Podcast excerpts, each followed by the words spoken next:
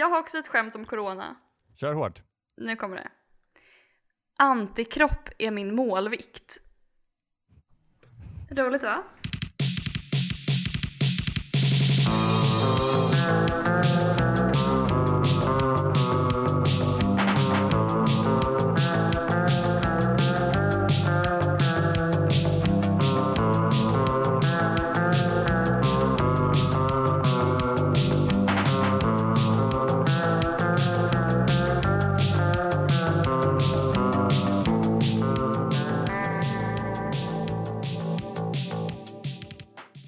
Det här är Tusen saker, en podd om tusen saker. Jag, Kim och min goda vän Ellen har skrivit upp tusen saker i en lista under tre års tid och eh, med hjälp av vår eminenta, underbara, älskvärda, otroliga, oersättliga komedigudinna till producent Sally så drar vi de här sakerna ur en figurativ hatt. Är det något mer man behöver veta för att kunna ta till sig det här, den här typen av content? Ingen kommer kunna ta till sig det oavsett vad, hur mycket vi berättar. Varför eh, ligger du ner på bordet? Jag förstår inte hur tekniken fungerar riktigt. Nu lägger jag micken på ett mjölkpaket då. Visst är det mjölk i det? Ja, det är det. Så du har liksom ämnat att ha mjölkpaketet framme nu i en och en halv timme. Ja, det vet du. Det, det är, tror jag är en punkt, alltså uppdelningen av mänskligheten i de som stressas av kylvaror framställda och de som inte gör det. Ja, du är givetvis en sån som blir stressad och jag är Vi ska givetvis... inte gå händelserna i förväg utan Sally styr oss här. Ska vi köra första punkten? Ja, absolut. Hur mår du förresten? Nej men jag mår bra. Jag mår bra. Jag var och tittade på ett eh, hus idag och jag hamnade i någon slags här pappa standoff med en pappa som liksom skulle försöka övertyga mig om att det var ett dåligt köp. Den här typen av utskick eh, funkade ju 1940 men eh, idag, alltså, ja, man kan ju tänka sig att det bara måla över det här men det släpper rakt av liksom. Ja, nej, den som köper det här får vara redo att hugga i. Var det han som sa att det var sprickor i grunden till dig? Nej, nej det var det besiktningsmannen som sa. Jaha. Besiktningsmannen kanske var en bulvan? Han kanske också ville köpa huset.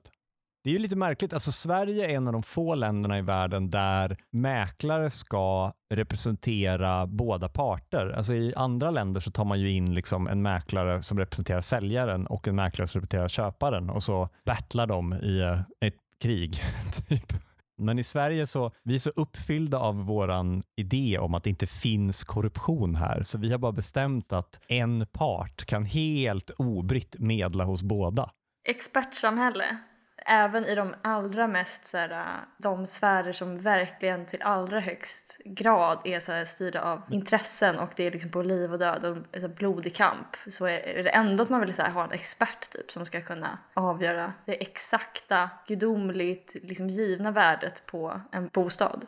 Kan du inte säga sådana här vetenskapliga ord?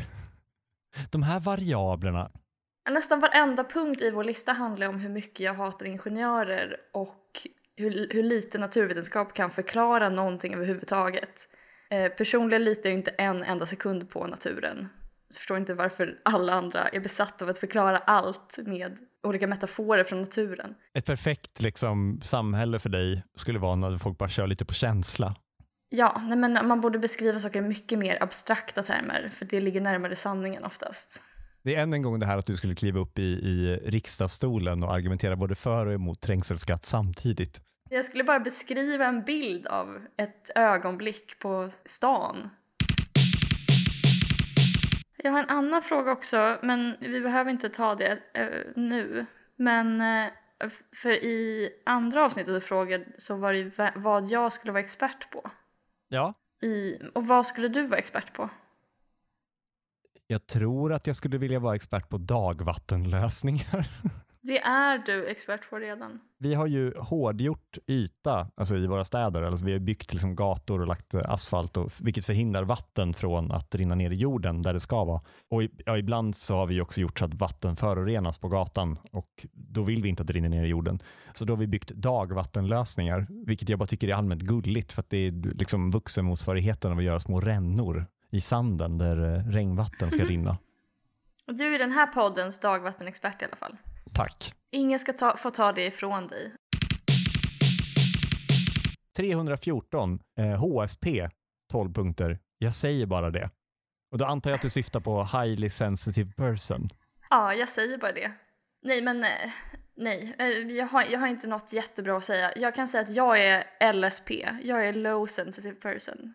Jag är inte känslig för i princip något. Intryck går mig helt förbi. Eh, nu kommer det här kanske inte vara så kul då, men det har, jag har faktiskt haft perioder, alltså om, om jag har mått dåligt, om jag känner mig på dåligt humör, ledsen, trött, då blir ju allting väldigt starkt. Alltså alla intryck förstärks, alltså man blir mycket mer irriterad och på spänn. Alltså man lägger märke till så här, att någon prasslar med sin påse. Ja. Eller att en, en person kommer lite för nära.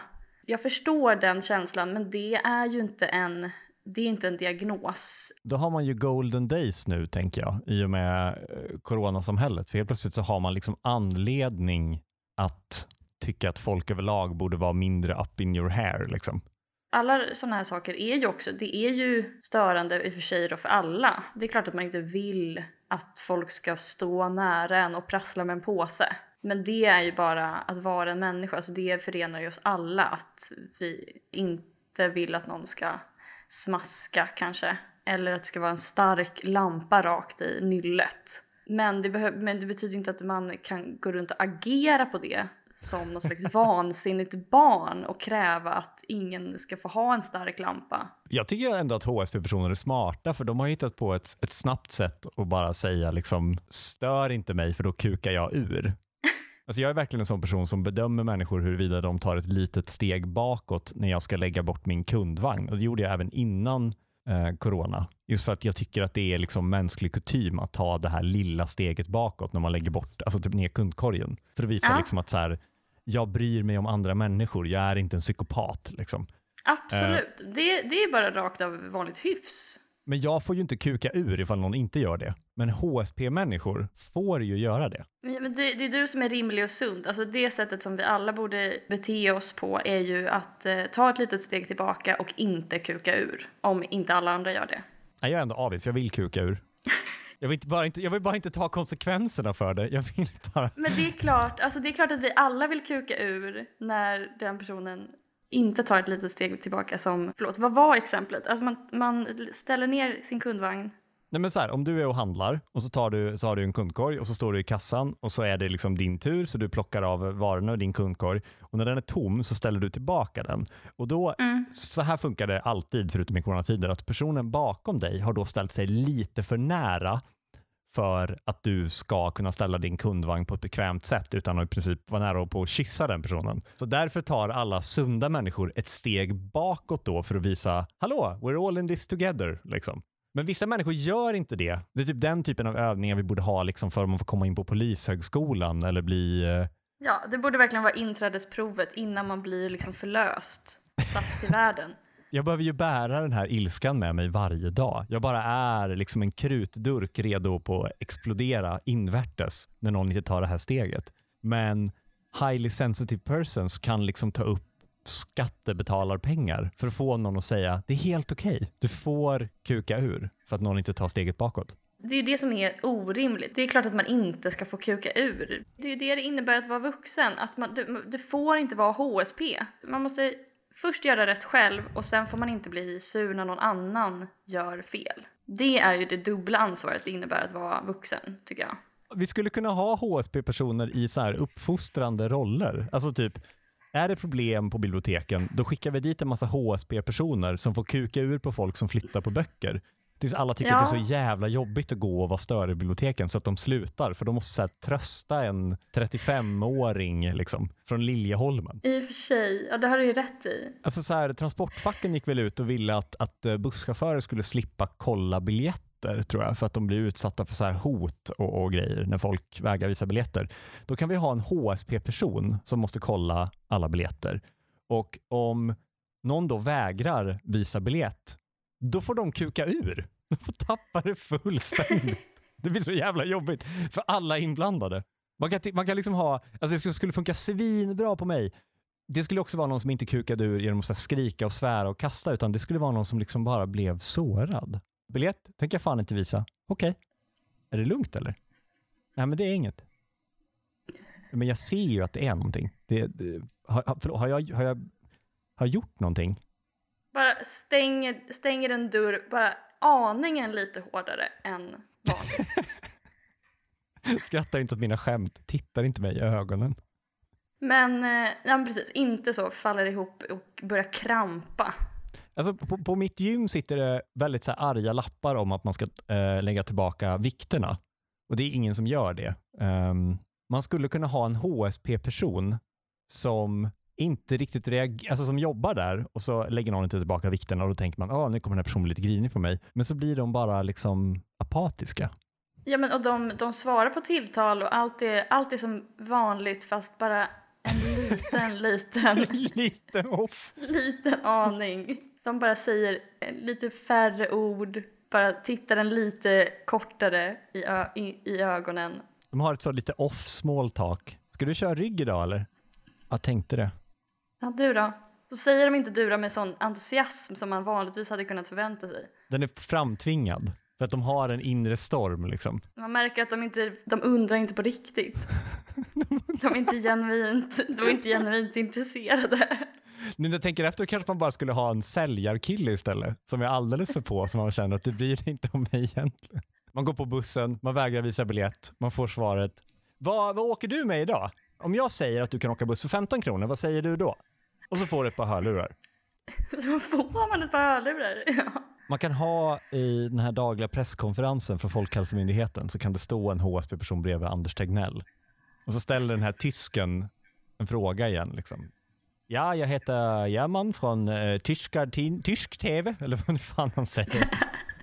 bara, varför, varför gör ni inte som i Tyskland? Och då är han bara så, från podiet. så bara totalt tappar. Stänger en dörr bara aningen lite. Den bara går. Hårdare än vanligt. Och så ser man den här tysken liksom, bara så här, "Ja, ska, alla tittar på tysken så, ska han springa efter? Ska han inte kolla hur det är? Eh, 405 fick tipset av en tvåbarnspappa att köpa vin till nyblivna föräldrar istället för gosedjur. Det är det enda nyblivna föräldrar vill ha. De får skitmycket gosedjur. Så jag gick och köpte vin till en mamma, eh, en nybliven mamma som jag känner och då kände jag mig nästan lite vulgär. Alkoholnormig. Så får man väl inte göra till exempel. Jag kände mig så problematisk. Har jag blivit nykonservativ? Ja, Ja, alltså det här är en av de punkterna där vi först går in med en benhård eh, ståndpunkt och sen ångrar oss mitt i ja. vimsiga velpannor. Nej, Men jag fick verkligen dåligt samvete. Jag så jag gick hem, pratade med min sambo, frågade om det var sjukt. Hon tyckte att jag var sjuk i huvudet för att jag ens ifrågasatte det, för det var en jättebra present. Uh, och sen kände jag att jag liksom behövde ringa den här mamman typ två, tre veckor senare och liksom skohorna in i samtalet. Ja, har ni druckit vinet? Var det gott? Uh, har ni, dricker ni igen? Ni kanske inte gör det nu när ni har barn. Det är helt okej. Liksom. Uh, och sen gick det en period ehm, och då kände jag mig tvungen när vi pratade igen att säga att det inte var den riktiga presenten, att jag egentligen har köpt något annat. Ehm, så då gick jag och köpte en barnbok. Som alltså du, du går verkligen till överdrift alltid med din omtänksamhet. Så mötte jag upp henne och bara, här, här, här var den, den hade inte hunnit komma med posten än. Här var den riktiga presenten. Jag är inte alls en sån där sjuk person som tvingar folk att dricka alkohol fast de inte vill. Ibland köper jag hem alkoholfritt. Men det låter som en ganska bra kombination, att man ger en bok och en vin. För det är på varsin ände privatmoralskalan och det, det, de neutraliserar varandra och personen får själv välja. Det är uppenbart för alla att det som är mest uppskattat är vinet. Men ingen, det behöver inte vara uttalat utan eh, både du och de kan låtsas som att det är boken som är den huvudsakliga gåvan. Jag fortsatte ju fråga om den här vinflaskan ganska länge och nu vet jag att den är uppdrucken. Gud vad obehagligt kontrollerande psycho som ger en, en present och sen ringer dagligen för att kontrollera att man är nöjd. Men är det, är det en dålig present? Nej Kim, alltså det är en jättebra present. Är det det som liksom nyblivna föräldrar vill ha? Jag tror att det, jag tror Får att jag det är säga- det. Ja, absolut. Eh, va- vad som är den bästa presenten tycker jag, Var det alltid eller till nyblivna föräldrar? alltid, Mm. som jag tycker om jättemycket att få, eh, ett fång blommor. Alltså för det är så, det, det är liksom så enkelt, Alltså nu, nu menar jag inte som en stor present, men bara att man kan ge det till någon när som helst. Men kan man verkligen ge det när någon med om det största tillfället i någons liv? Typ? Vinet kanske var snäppet bättre faktiskt, för att då har du ändå tänkt, det är omtänksamt av dig att så här, jag vet att ni har inte druckit vin på skitlänge och det är det enda förmodligen som ni vill göra just nu.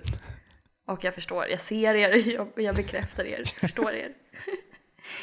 Men jag tänker att så här, om jag skulle få barn och så skulle jag få blommor, då skulle jag säkert råka döda de blommorna och så skulle jag liksom dra någon koppling mellan de blommorna och hur jag skulle vara som förälder.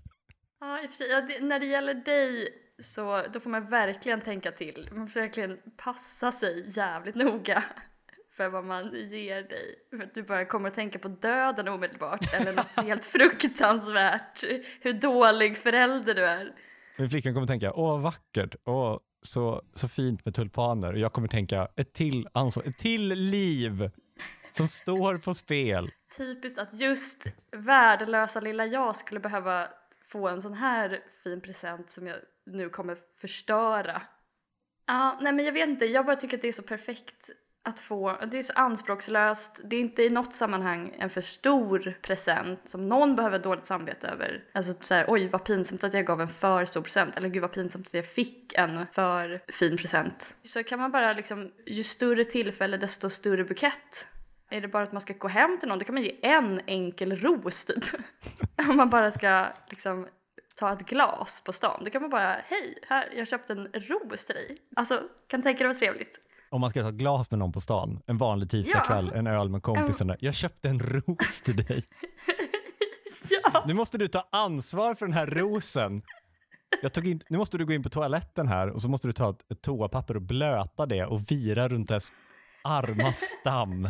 Du har verkligen en unik svart syn, Kim. Jag har alltid sett mig själv som ganska bra på presenter, så jag, jag gör en för stor grej av det.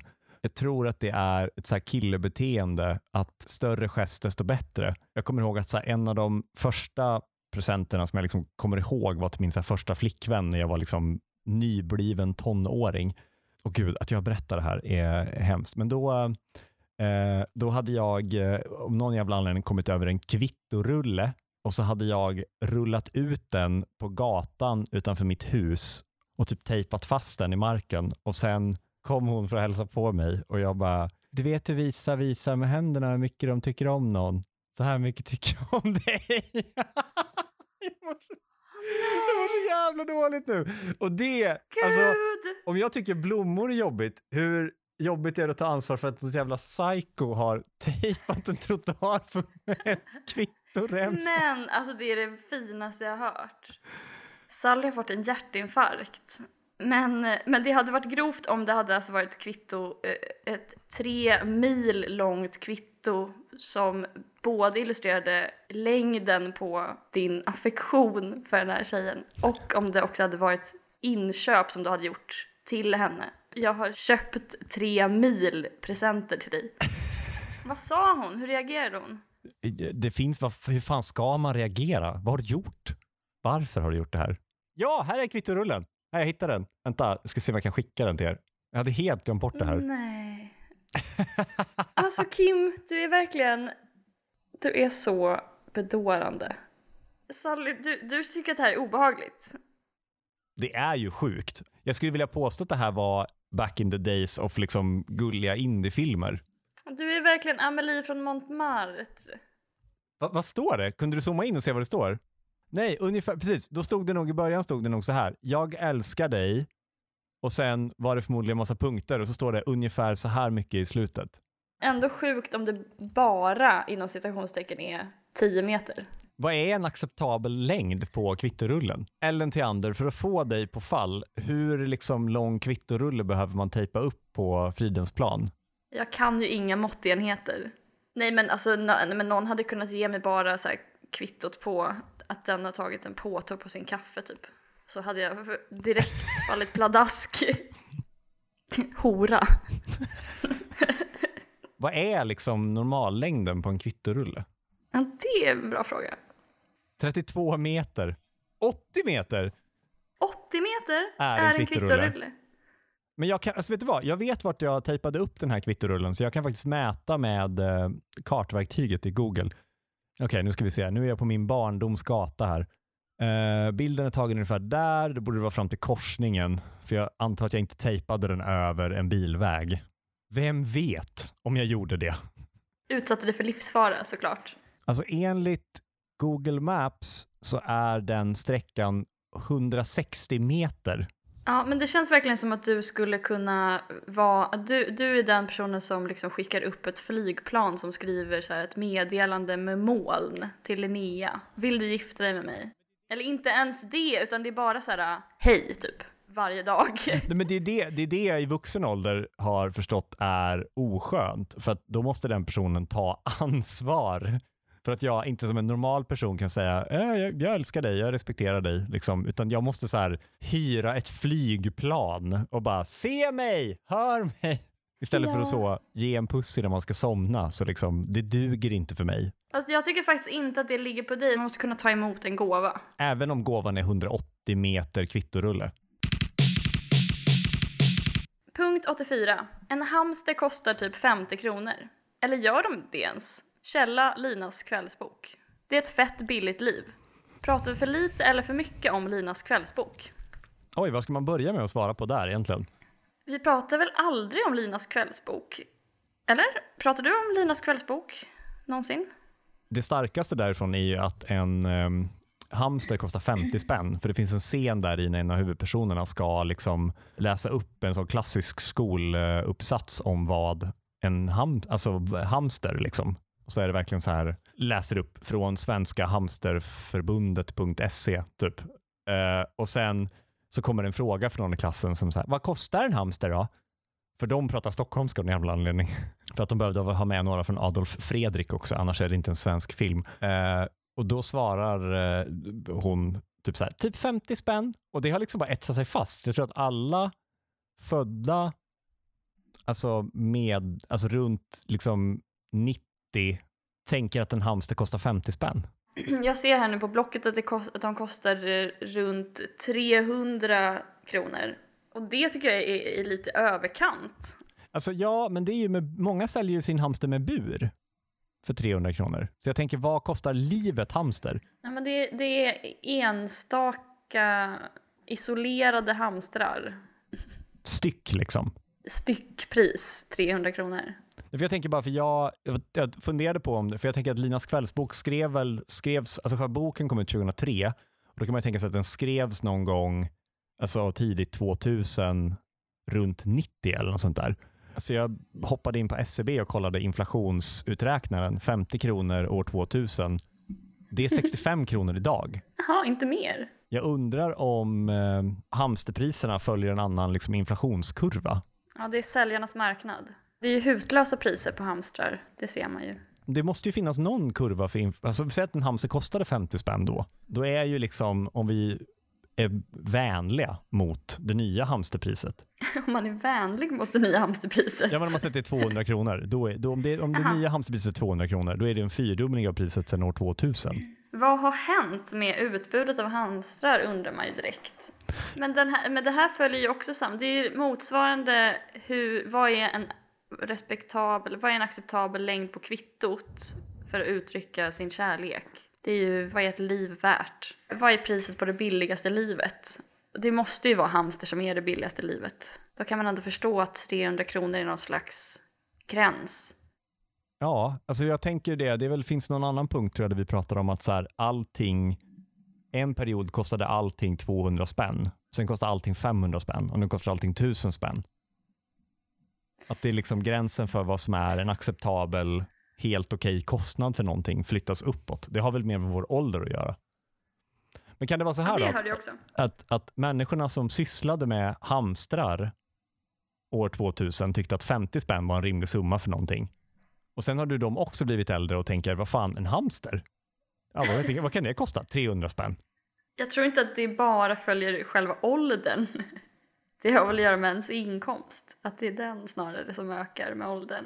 Ja, det hade varit roligt om man hade blivit mindre känslig för pris med åldern. Att det var som en biologisk, genetisk disposition. Att man bara tycker att pengar är mindre värt. Ens egna pengar är mindre värda. det är ganska roligt faktiskt. Då är det punkt 839. Vaghet i konst. Problem med akademisering och intellektualisering av konst. Min eh, litteraturprofessor Eva Hettner Aurelius sa en gång till mig att idéer inte översätts i konst. Eh, och det framstod som väldigt gåtfullt för mig när hon sa det. Eh, jag förstod inte omedelbart vad hon menade med det men jag tyckte att det lät nytt och meningsfullt. Och jag ville gärna att det skulle vara sant och ta reda på hur. Och så, så nu har jag gått och funderat på det i eh, sex år eller vad det är. och det här är det jag har kommit fram till.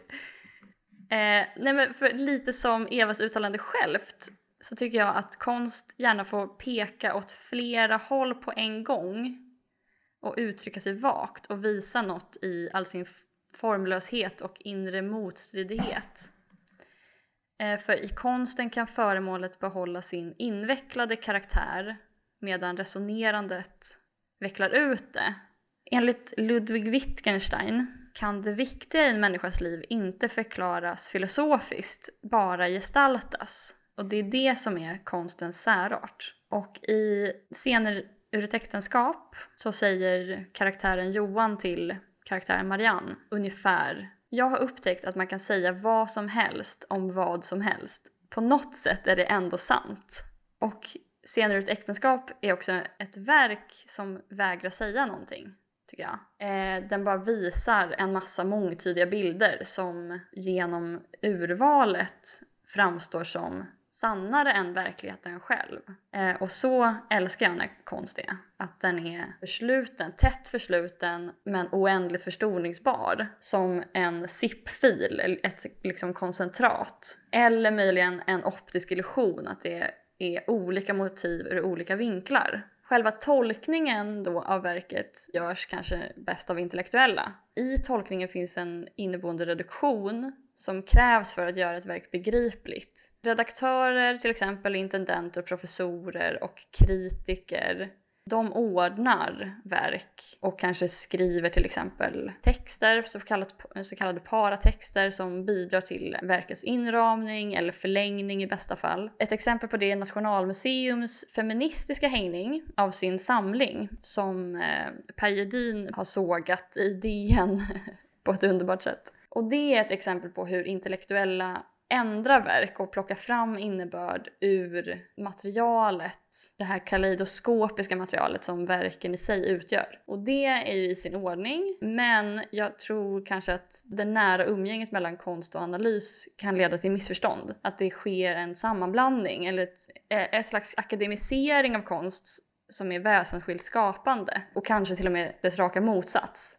Det kan förstås vara frustrerande för en konstnär att se sitt verk reducerat till något, de, något som man ogillar. Som till exempel när Knausgård gick i taket över Ebba Witt-Brattströms läsning av Ut ur världen och eh, fjärde bandet av Min kamp som berättelser om 13-åriga kvinnor som tysta alibin för homosocialt begär mellan män. Och det kan jag tycka att man får stå ut med i och för sig olika läsningar av sin bok.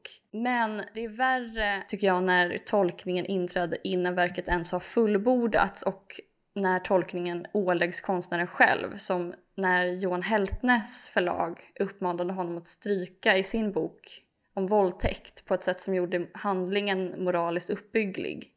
Det finns en poet som heter Matilda Södergran eh, och hon återkommer i eh, intervjuer till att hennes skrivkramp släppt tack vare insikten om att hon så kallat inte ska vara sin egen litteraturvetare. Och det tycker jag är, sammanfattar det här problemet. Och det är en ganska förlösande tanke att man inte själv måste stå för tolkningen av det man skapar. Men som yrkeskonstnär eller blivande är ens utsikter i många fall avhängig formuleringsförmåga och kritiskt tänkande och för övrigt affärer och nätverkande. För det är något som krävs ofta på konstskolor och i stipendieansökningar. Och ja, så att för sin finansiering och till och med sitt existensberättigande avkrävs konsten i sig analys och allra helst samhällsnyttig potential. Eh, men min gissning är att konstnärer är verksamma inom ett medium av det enkla skäl att det bäst fångar det de vill uttrycka. Så den, här eh, texten, texten, den här pratan hade till exempel gjort sig dåligt som koreografi. Eh, men ändå begärs det av konstnärer att göra som en översättning av sitt skapande från praktik till teori eller från, nästan som från ett medium till ett annat. Så jag tycker att man ska ge konstnärer utrymme att vara obegripliga och lämna själva själva begripliggörandet åt de intellektuella. Ordet begrepp och att begripa, det kommer ifrån att greppa, att hålla tag, ta tag och hålla fast i någonting. Och jag föreslår att i utövande såväl som kanske upplevelser av konst snarare släppa och hålla ut en tom hand eller kanske kasta någonting. Alltså gripandets motsats. Mm, förlåt för att jag är så tråkig. Äkta sömnpiller kan, kan punkten vara att, att, att jag eh, seminariesover genom din läsning? Men det, nu, alltså det är ju väldigt mycket så om man går på museum att folk så här, står och stirrar på små lappar bredvid konst, bredvid en tavla bara för att utvinna minsta lilla antydan till begreppslig förståelse. Alltså man står och stirrar på en text där det står olja på canvas bara för att så här, få se ord typ för att känna sig trygg. Jag jobbade eh, en period på Gustav IIIs antikmuseum och det är väl den största performanceplatsen vi, vi har i Sverige för den typen av konstupplevelser. Det är ju 1700-tal va? Ja. Ja. Eh, han byggde ju det där, eh, åkte ner till Italien, blev påsåld, påstått antika konstverk eh, gjorda av lokala människor som förstod att den svenska kungen kunde ingenting och de kunde sälja vad som helst till honom. Och sen placerades det bara ut utan någon form av förklaring, för det var obildat. Och så öppnades det upp för allmänheten och så kom hela svenska folket dit för att liksom stå och stirra och försöka förstå och ta in. typ. Sen typ när man förstod att det inte var något vidare liksom, eh, bra sätt att, att, att, uppleva konst på. Precis som du säger så behöver man ju ha någon som liksom kanske tolkar eller ger oss någon slags, eh, ger oss någon slags liksom sammanhang och någon chans att förstå vad fan vi tittar på. Så på 80-talet så satte man in eh, skyltar och lappar som förklarade allting. Men sen när eh, den nya vågen av autenticitet kom så bestämde man sig för att återställa museet. Sen ta alla lappar och placera den förklarande texten om museet. Att så här, det här, så här, exakt så här såg museet ut på 1700-talet. Det var basically värdelöst. Grejerna här inne var skräp. Det fanns ingen förklaring för någonting så ingen kunde liksom riktigt ta del av konsten. Eh, folk, oavsett vad man ställde i mitten av museet så gick folk och tittade på det med liksom uppspärrade ögon. Eftersom det står i mitten så måste det vara viktigast. Så det måste titta länge på. Och de här lapparna, alltså när jag jobbade där så var det inte helt tydligt att man skulle ta en sån lapp för att ens kunna uppleva museet och det är på den lappen det stod att det här museet är inte så mycket ett riktigt museum som ett museum över hur ett museum såg ut då. Så folk gick, helt sonika in och stod i tystnad och bara tittade på de här verken gjorda av italienska kohandlare på 1700-talet som tänkte att de skulle göra sig en snabb slant på den obildade svenska kungen. Så, så jag skulle vilja påstå att det är liksom Sveriges största performance art av människor som leker konst, typ. Man försökte liksom sticka till dem så här, yeah, don't, don't, you want a, don't you want a guide? No, I want to really experience it. Gud vad roligt att Gustav IIIs naivitet har liksom ekat genom historien bara ynglat av sig. Han är verkligen ansiktet utåt för både bildningskomplex och att vara lättlurad. En lättlurad idiot typ. Men eh, det finns, jag, jag kommer inte ihåg vad, vem som har skrivit om det, men eh, det så kall, alltså så här, konstens performativitet som det kallas. Just det här som du säger, att här, om man har ett rum som ser ut som ett museum. Ja men det är ju, det är ju också det som Duchamp vill visa. Att så här, om du ställer en toalettstol i ett museum, då är det konst. För att det är själva rummet bland annat och sammanhanget som gör någonting till ett konstverk. Gustav III var 1700-talets Duchamp. Ja, men det, är, det är ett tips faktiskt att, att gå till, eh, på Gustav IIIs antikmuseum och skita fullständigt i den, eh, den så kallade konsten och egentligen bara titta på människorna som tittar på konsten. Jag är ändå glad att du gör den här långa fina analysen och drar en lans för kritikernas funktion att liksom tillgängliggöra konsten för att Nej, men det är inte riktigt det jag gör heller ska sägas för att jag, jag tror inte att man behöver den, alltså det kan vara ett sätt att förstå konst men ett annat sätt att förstå konst är bara att stirra på den. Precis som de här personerna på det här Gustav III museet. Alltså det kan vara en fullt lik lika god konstupplevelse tror jag. Och kanske mer, den är mer sann på ett sätt för att det, den är så oreducerad. Om du förstår. Men det tror jag beror på vilken typ av konst det är. För jag, jag tänker bara på min tjej pluggade på en internatskola i, utanför Malmö som hade ett fri konstprogram. Och då var jag hälsade på henne några gånger. Hon var där ett år och jag bodde kvar i Uppsala. Och då tvingades jag vara på internatfester med folk som läste första året på fri konst. Och så under en liksom rökpaus så hamnade jag med någon kille som han gjorde bara konst av skräp. Och då ville jag, jag ville liksom också passa in i den här intellektuella miljön. Så jag bara, ja okej, okay, men vad, använder du olika skräp från olika områden för att skapa liksom det här slänger de i det här fina dyra området och det här slänger de i, liksom, är det något klassperspektiv du anlägger? Det var liksom, och han bara, det vill jag inte säga för då är det inte konst. Du tog med dina hushållssopor till festen. Precis. För att passa in. För att passa in. Nej men exakt, ja men det är ju, det är ju störigt så in i helvete, ja det har du rätt i. Men, jag tänker bara att jag är glad att du har läst konst och litteratur och att du drar en mer djuplodande analys än att man bara ska... Att man inte får tolka verk, eller hur? Att det bara är så här att, att konsten är som dimma, om man närmar sig försvinner den. Ett ljus i dimman, kommer du fram till det så inser du att det bara är en lykta och då förstörs upplevelsen. Precis som jag förstörde upplevelsen när jag försökte få den här killen att förklara vad fan han höll på med. När han stal folks sopor. Jag är ju tyvärr på hans sida. Jag visste bara inte att det här var en så gjord spaning att, att du kunde också sammanfatta den mycket bättre än jag genom att säga exakt det där som du sa nu. Att konst är som en dimma som försvinner när man kommer nära. Men vadå, det är väl, det är väl den enda spaningen folk har om konst? Ah, Okej, okay, förlåt. Ah, det, det, det, vi stryk allt. Ja, vi klipper bort allt. Vi klipper bort allt.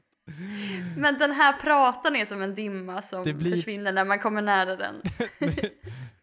I det här konstseminariet som vi har nu har jag, jag paunat dig med fakta. Med hjälp av orden från en första ringare på en internatskola utanför Malmö. Verkligen. Du, du krossade mig med fakta och logik. Ägde skiten ur dig. Den där uppsatsen får du fan inte G på. Ja, det är skönt att det inte är ett seminarium. Jag hade inte ägt det då. Senast jag hade eh, seminarieliknande konstruktion var när jag skulle opponera och få min C-uppsats opponerad på, men blev så nervös av själva grejen att jag liksom inte kunde läsa någonting på mitt papper förutom att jag ville påpeka att han hade haft Wikipedia som källa till sin C-uppsats på ett ställe. Så jag liksom bara gjorde ett som politikersvar och sa på olika sätt att han hade använt Wikipedia som källa brodera ut en mening som är tre ord lång till en halvtimmes opponering. Precis som dina prator. Fy fan.